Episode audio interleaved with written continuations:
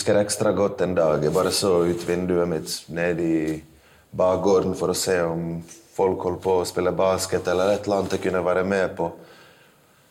Men jeg så ingen barn ute, jeg så masse militære. Og de hadde sperret alle utgangene. og De var på vei inn i forskjellige blokker, og jeg så de komme ut med menn fra blokkene. Så det var etnisk rensing som foregikk. Og uh, jeg husker jeg begynte å grine skikkelig.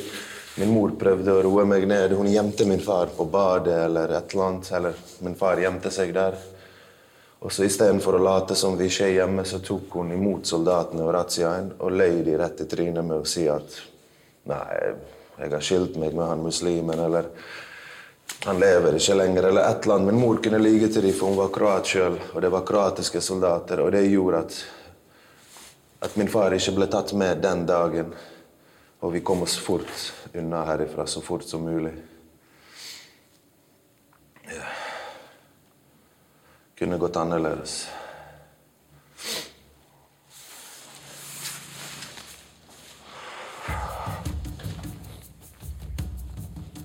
Jeg var bare syv år gammel når de første granatene og bombene begynte å smelle rundt meg i Bosnia. Jeg kommer aldri til å glemme hvordan det er å flykte for livet. Hei, alle sammen. Eh, velkommen til eh, denne lunsjsamtalen eh, om det vi nettopp så nå. Dokumentarserien 'Flukt', som har blitt frontet av programlederen Leo Ajkic. Det er ikke han vi skal snakke med i dag. I dag skal vi snakke med han som har stått bak kamera og klippemaskinen. Regissør Lars Petter Galefoss, velkommen til deg. Takk, det er veldig hyggelig å være her.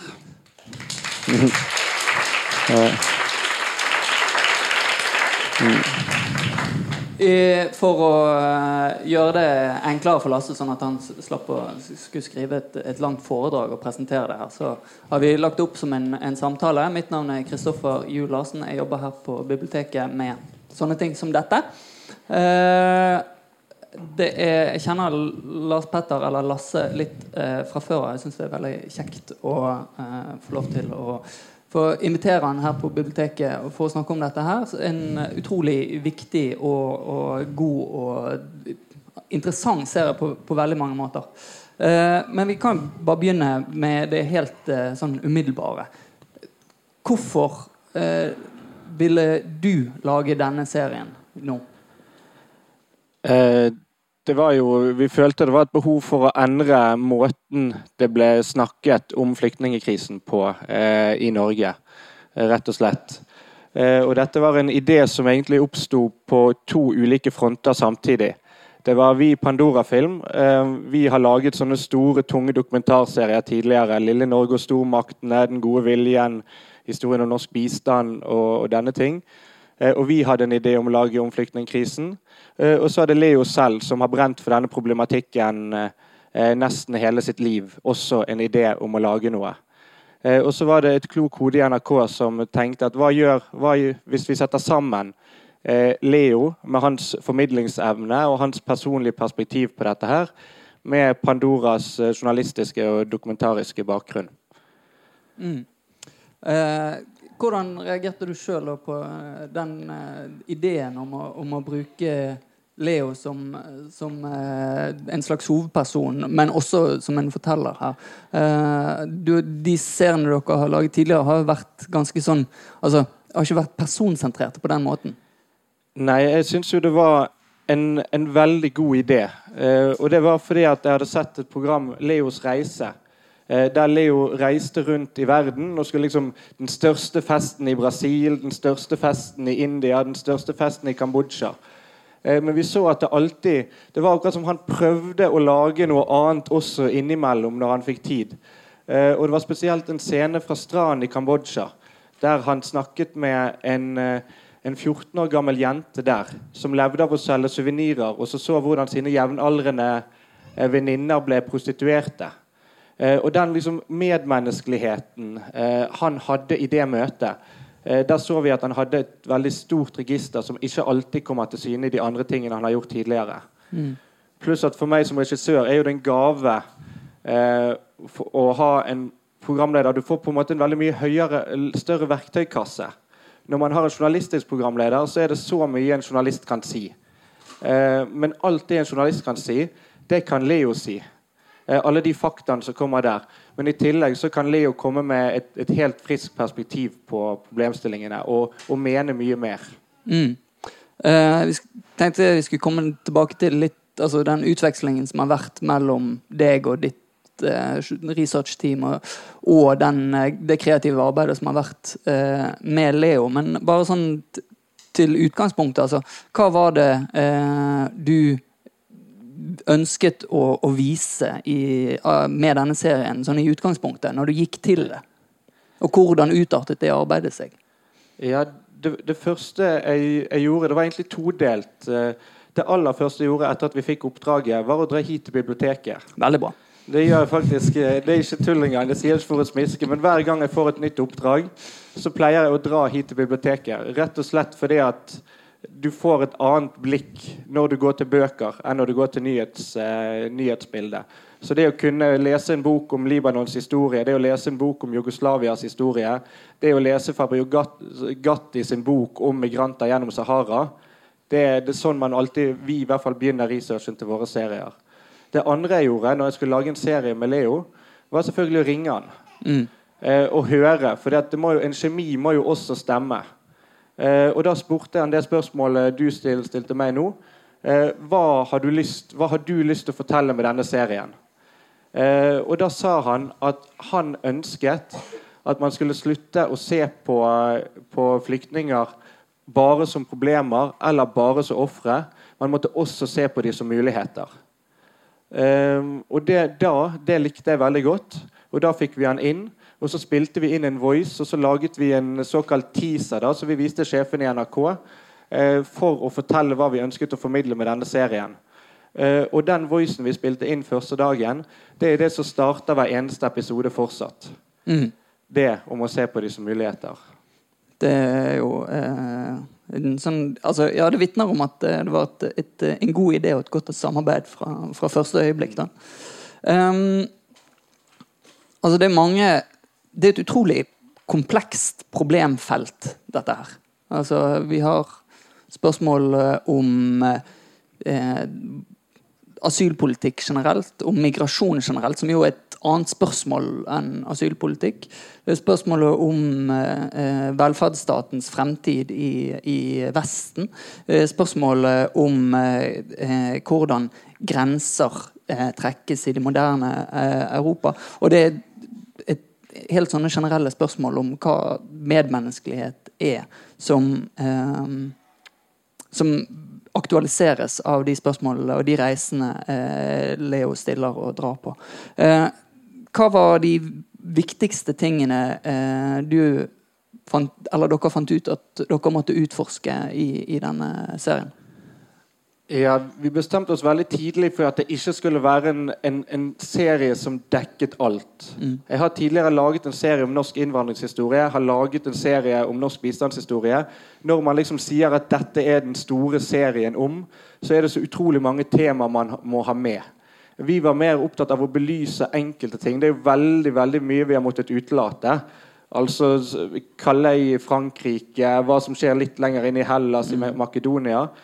Um, og så var det viktig for oss at det ikke skulle være en sånn serie som bare vi er nødt til å slippe inn, vi er nødt til å hjelpe alle, vi er nødt til å åpne grensene. Det skulle være en serie som også de som er mot, eh, mot uh, innvandring og skeptiske, skulle kunne se.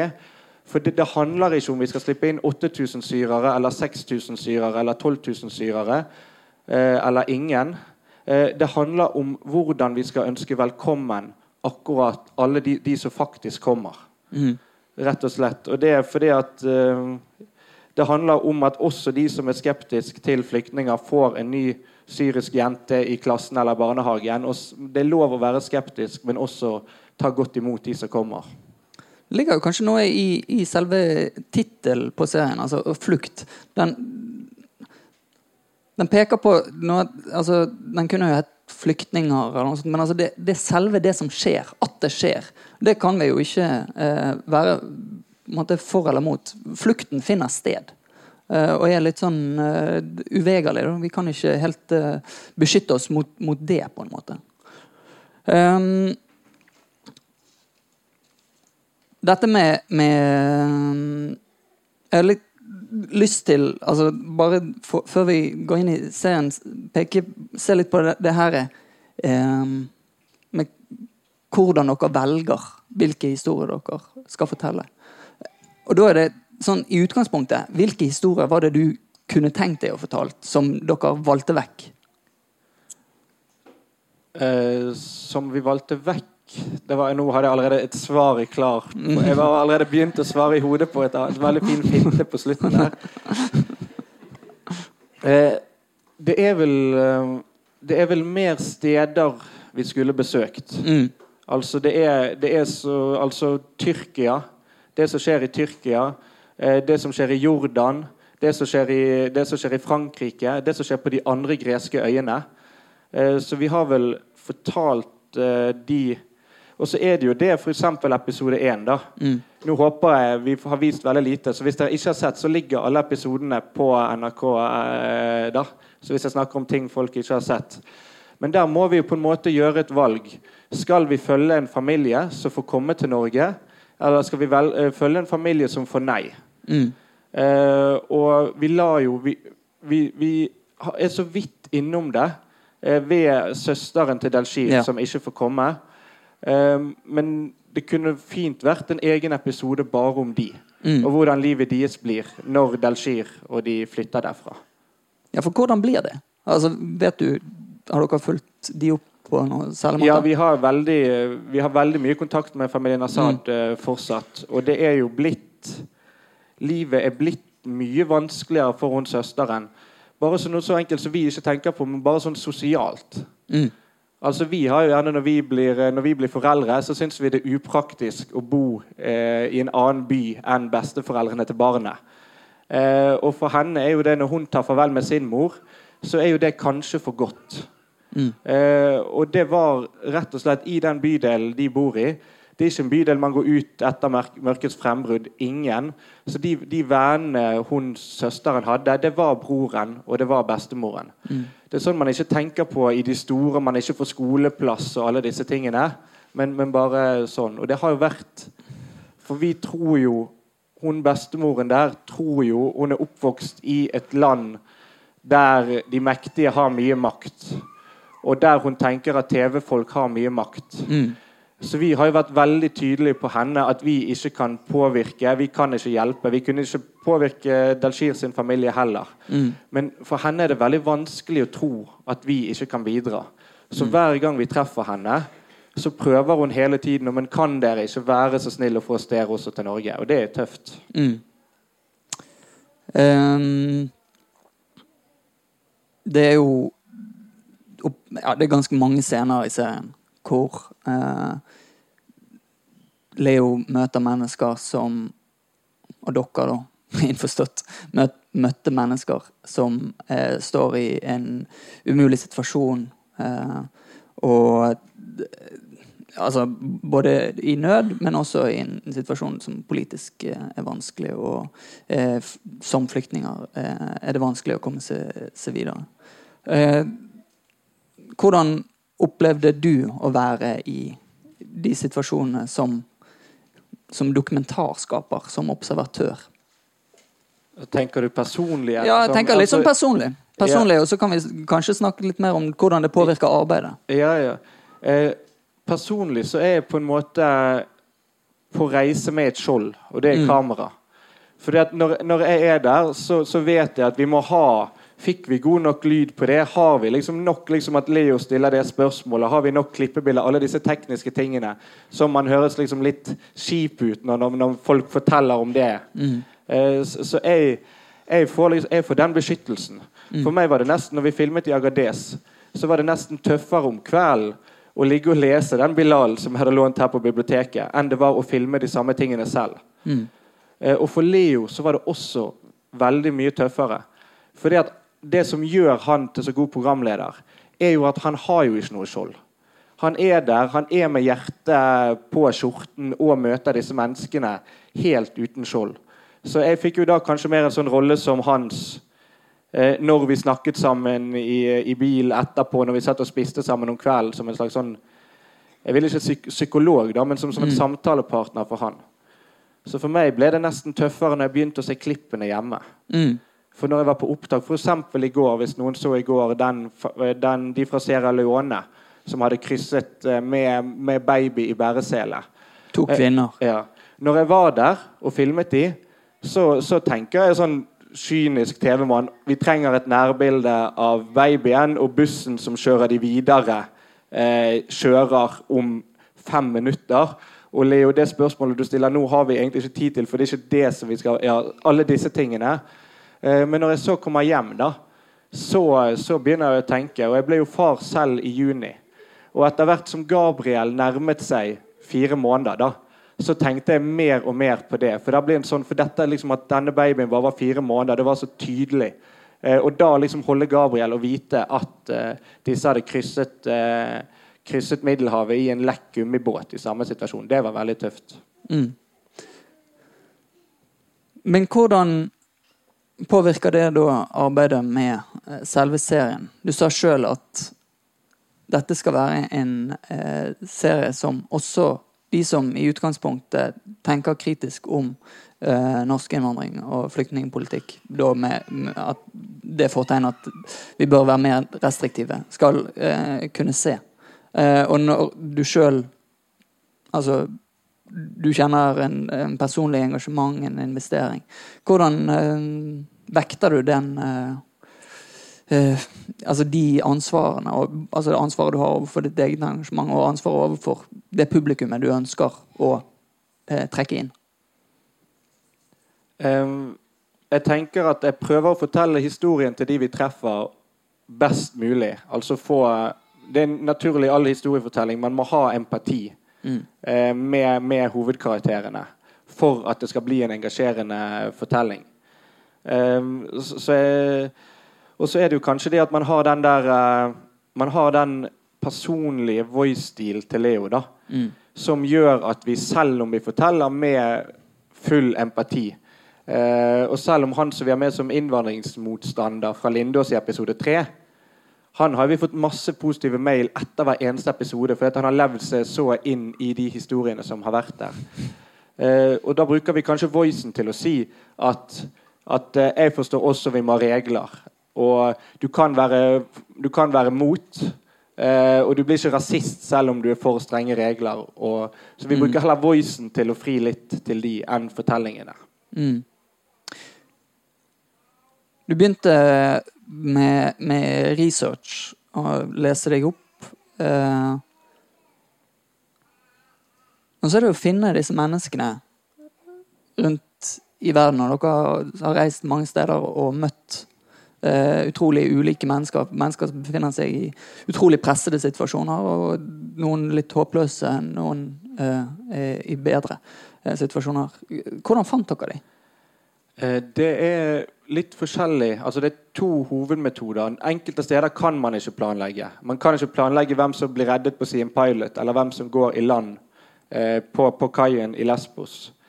Da bare er man der og, og treffer de. Og så er det de store fortellingene, da, f.eks. familien Assad. Mm. Da visste vi at vi hadde lyst til å si noe om, om hvordan Norge skal ta imot de 8000 syriske overføringsflyktningene. Så vi visste at vi ville ha en syrisk familie som skulle til Norge. Og så visste vi for historiefortellingen det dramaet som en familie som skal på intervju, opplever, det ville skape et engasjement og en, med, eh, en medfølelse. Så da tok vi kontakt eh, med FN, da. Eh, og fikk tre ulike familier som vi visste skulle på intervju med norske myndigheter. Da visste vi at det var 85 sjanse for at de kom til å komme til Norge. Mm. Men vi var fortsatt ikke sikre. Eh, og vi kunne ha reist der og, og filmet de, og så hadde de ikke fått komme til Norge. Mm. Eh, og da ringte vi de tre ulike familiene. Vi hadde en veldig veldig dyktig syrisk asylsøker eh, som, eh, som vi hadde inne, som hadde jobbet som journalist i Syria. Eh, vi sa til han du kan denne jobben like godt som oss. Ring disse tre. Hvem av disse tre tror du blir liksom best å formidle denne historien på TV? God gammeldags TV-casting. Mm. Og så har vi den andre um, Du må bare avbryte hvis jeg svarer for langt. eh, på her. en annen, var, ja, en annen som var veldig vanskelig å, eh, å, å fi, eh, finne, var episode fire, der vi forteller om en som druknet på Middelhavet. Mm. For det er jo et virkelig detektivarbeid. Ja, og der var det Der var det jo Det var en veldig viktig historie for oss å fortelle. Fordi at det handler ikke bare om at det skal bli fred i Syria for at eh, migrantstrømmen skal, eh, skal ende. Ehm, og vi ville skape også empati og, og medfølelse her. Og da begynte vi først med å lete eh, i, på, liksom, på nordsiden av Middelhavet. da. På de som har med DNA-prøver, de som prøver å, å finne.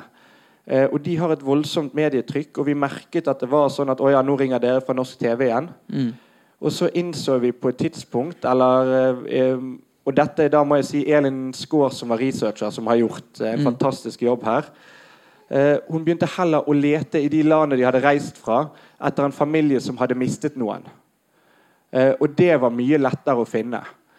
Og da fikk vi kontakt med Det var en fors norsk forsker som hadde forsket i Gambia, og vi fikk kontakt med den lokale fikseren der.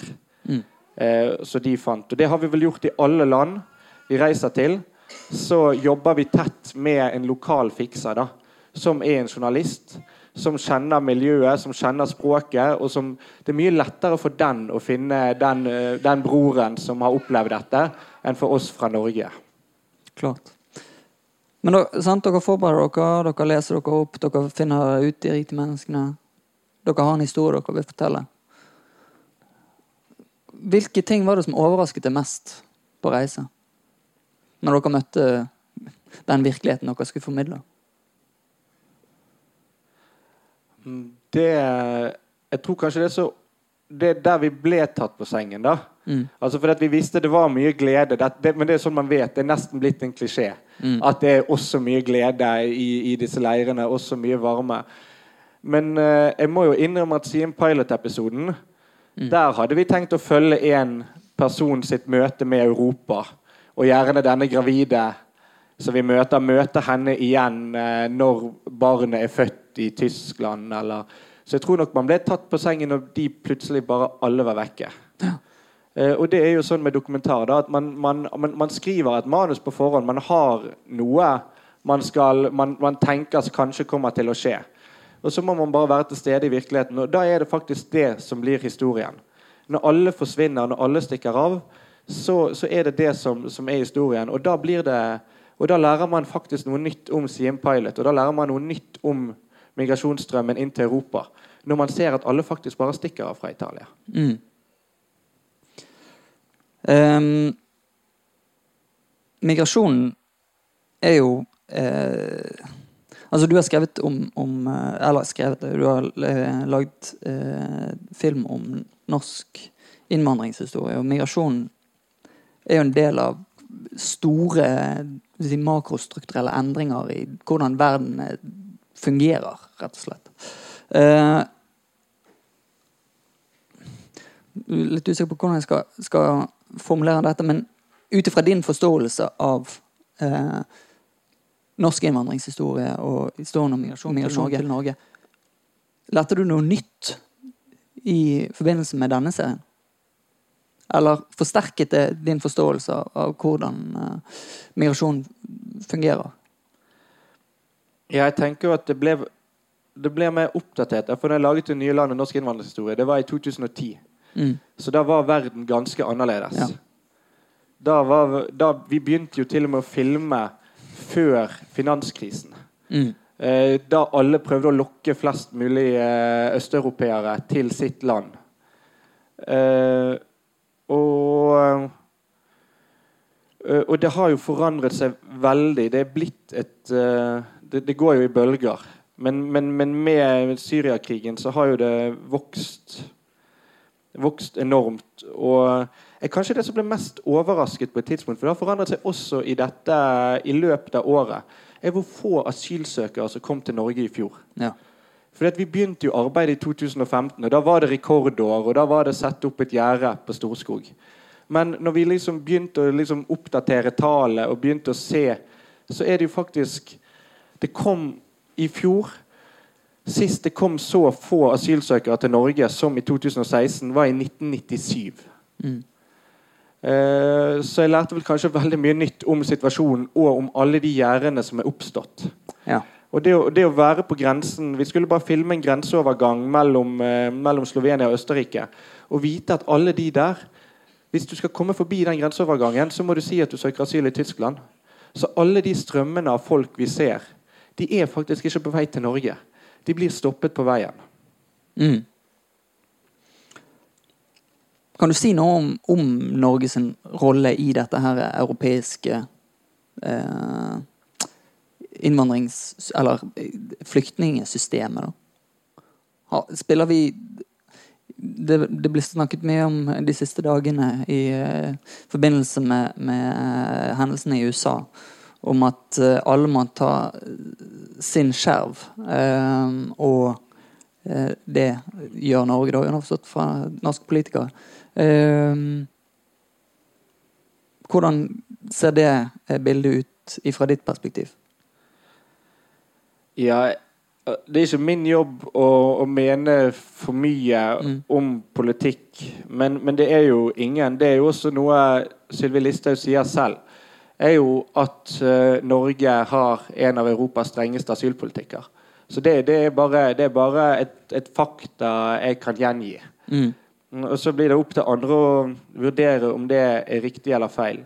Jeg tenker jo spesielt dette her Disse overføringsflyktningene som kommer fra Syria, tror jeg kommer til å være en veldig berikelse for Norge. Det er ikke tilfeldig at vi hele tiden sammenligner med Bosnia. Mm. Fordi at det er en stor gruppe som kommer. Eh, og det er en, en, veldig arbeidsom og eh, en, gruppe som er veldig opptatt av å bidra. Mm. Eh, og jeg tenker jo at de 8000 som, som, kom Det siste året der er jo i år. Mm. Så jeg skulle jo gjerne eh, Gjerne eh, at man tok et nytt sånt løft. Mm. For det er ikke kommet noe nærmere, dessverre, en fredelig løsning i Syria. Nei. Og så er det jo også sånn at Vi har tatt fordi at vi vet det er forferdelige kår i Italia og Hellas nå. Helt, et, det er Ja.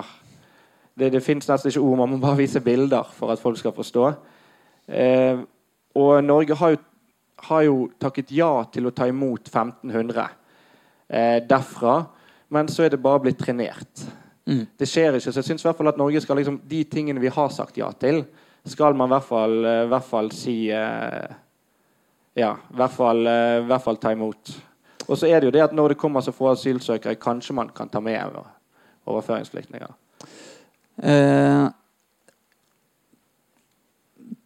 det, du, som du sier, Norge har en av Europas strengeste asylpolitikker. Eh, vi har et, et, parti som profilerer seg sterkt på det i regjering. samtidig så har en serie som dette her fått enorm gjenklang. Eh, Leo har fått en, eh, en slags nasjonal talerstol eh, som en talsmann for tidligere flyktninger. Um, og, og, det har vært eh, enormt mye positiv respons på eh, en serie sånn som dette. Hvordan opplever du den si, offentlige debatten? Hvordan eh, hvor, hvor, befinner folket seg i, i dette spørsmålet?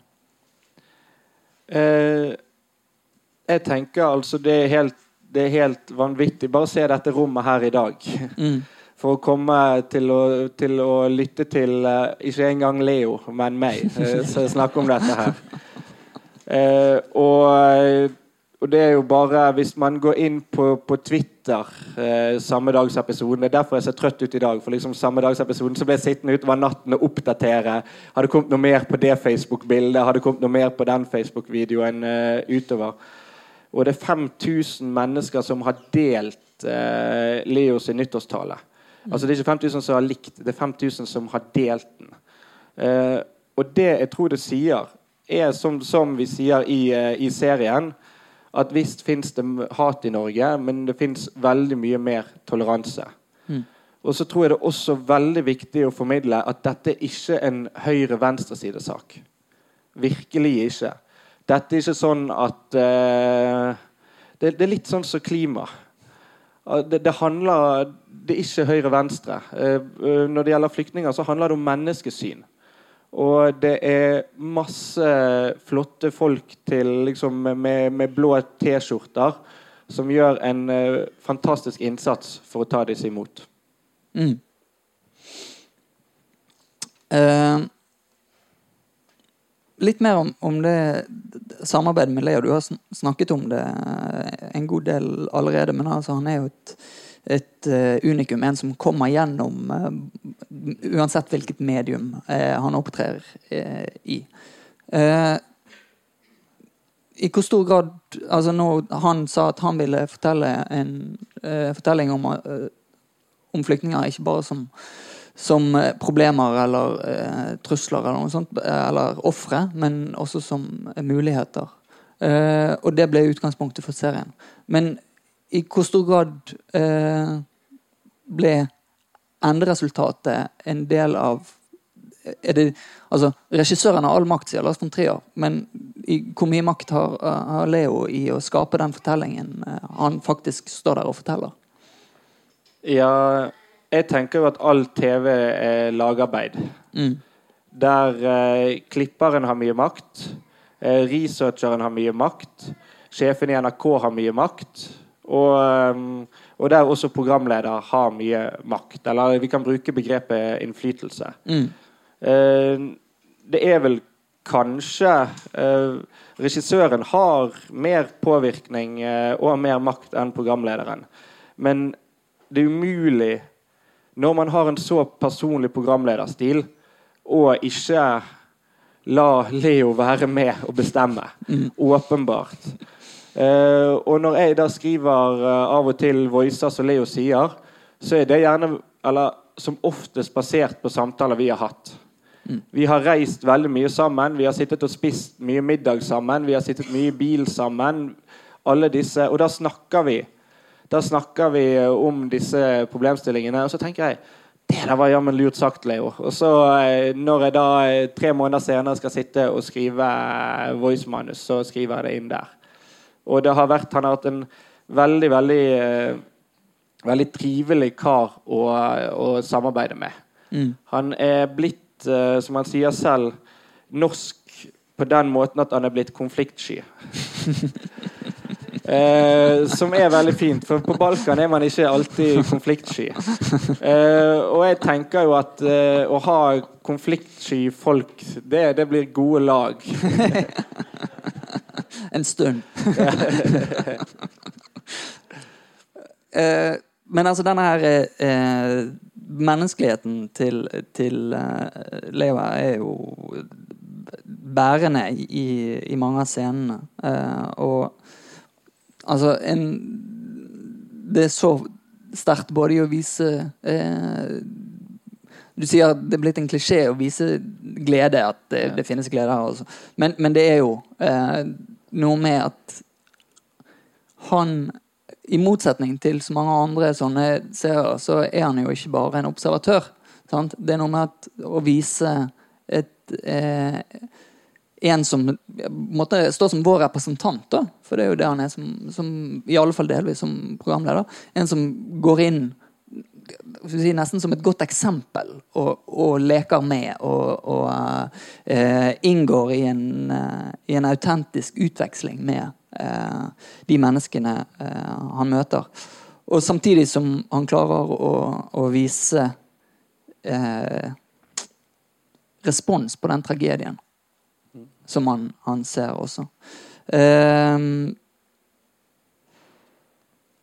var, du, var du forberedt på hvordan han skulle gå inn i de ulike scenene? Ja, det hadde vi snakket mye om på forhånd. Og det var mm. også i den samme telefonsamtalen som startet det hele. Så sa han også at han husket de gode tingene bedre enn de dårlige tingene. Mm. Det er når de hadde vært kreative for å lage mat, har de laget en ovn av stearinlys og disse. Uh, og det er det vi visste at det var mye lettere for han å gå inn i et sånt miljø med det han har opplevd, og se lyspunktene.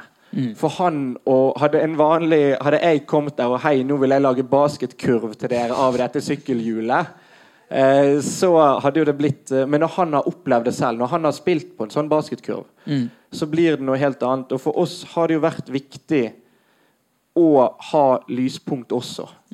Eh, å se, men, men også påpeke i det liksom Sånn vi sier, dette er ingen Hollywood-film. Det er så utrolig fristende å slutte med, med jubelscener. Og det er så fristende å liksom lage den basketkurven og så tro at vi har løst problemene for de barna som vil ikke gå på skole. Det må jo vi eh, Der må jo vi alltid eh, nyansere oss selv. Eh, og så er det jo sånn med Leo at den, den menneskevarmen han har, er 100% ekte. Jeg har aldri møtt noen som er så glad i å være sammen med andre mennesker som Leo. Vi hadde På alle reisene våre så hadde vi én fri formiddag. Det var ikke en fri dag, det var en fri formiddag. Eh, og Da lå jeg og fotografen på hver vår solstol ved bassenget i Gambia. Eh, men Leo dro på piknik med familien til sjåføren. Så det, ja, det tror jeg sier alt om han. Kan du si litt om, om den mottakelsen som har vært? Hvordan opplever du den? Altså, det er vel mer enn du har fått på, på noe du har eh, laget? Ja, ja. Både jeg og Leo har eh, aldri opplevd lignende. Altså, Leo har jo vært en profilert eh, programleder på NRK i mange år. Men bare, han har jo gått fra 7000 til er det vel 17 000 følgere på Facebook i løpet av januar. Mm. Og ja, jeg, jeg var jo litt inne på det i sted. Hvor mange som har likt, hvor mange som har delt, hvor mange mailer vi har fått. Hvor mange telefoner eh, Leo får. Mm. Det er bare det, det er helt overveldende. Mm. Og spesielt hyggelig er de som ringer og sier at de er uenige med at det skal komme flyktninger, men som har likt serien, og som føler det bra at det er tatt på alvor. Mm. Eksempel etter episoden om innvandringsmotstand så var, eh, var eh, flukt det mest brukte ordet på Twitter i Norge. Men det var bare én negativ tweet. Bare én negativ tweet, og da vet vi at Twitter er full av folk som er skeptiske til innvandring. Tusen takk for oppmøtet. Mhm. Thank you.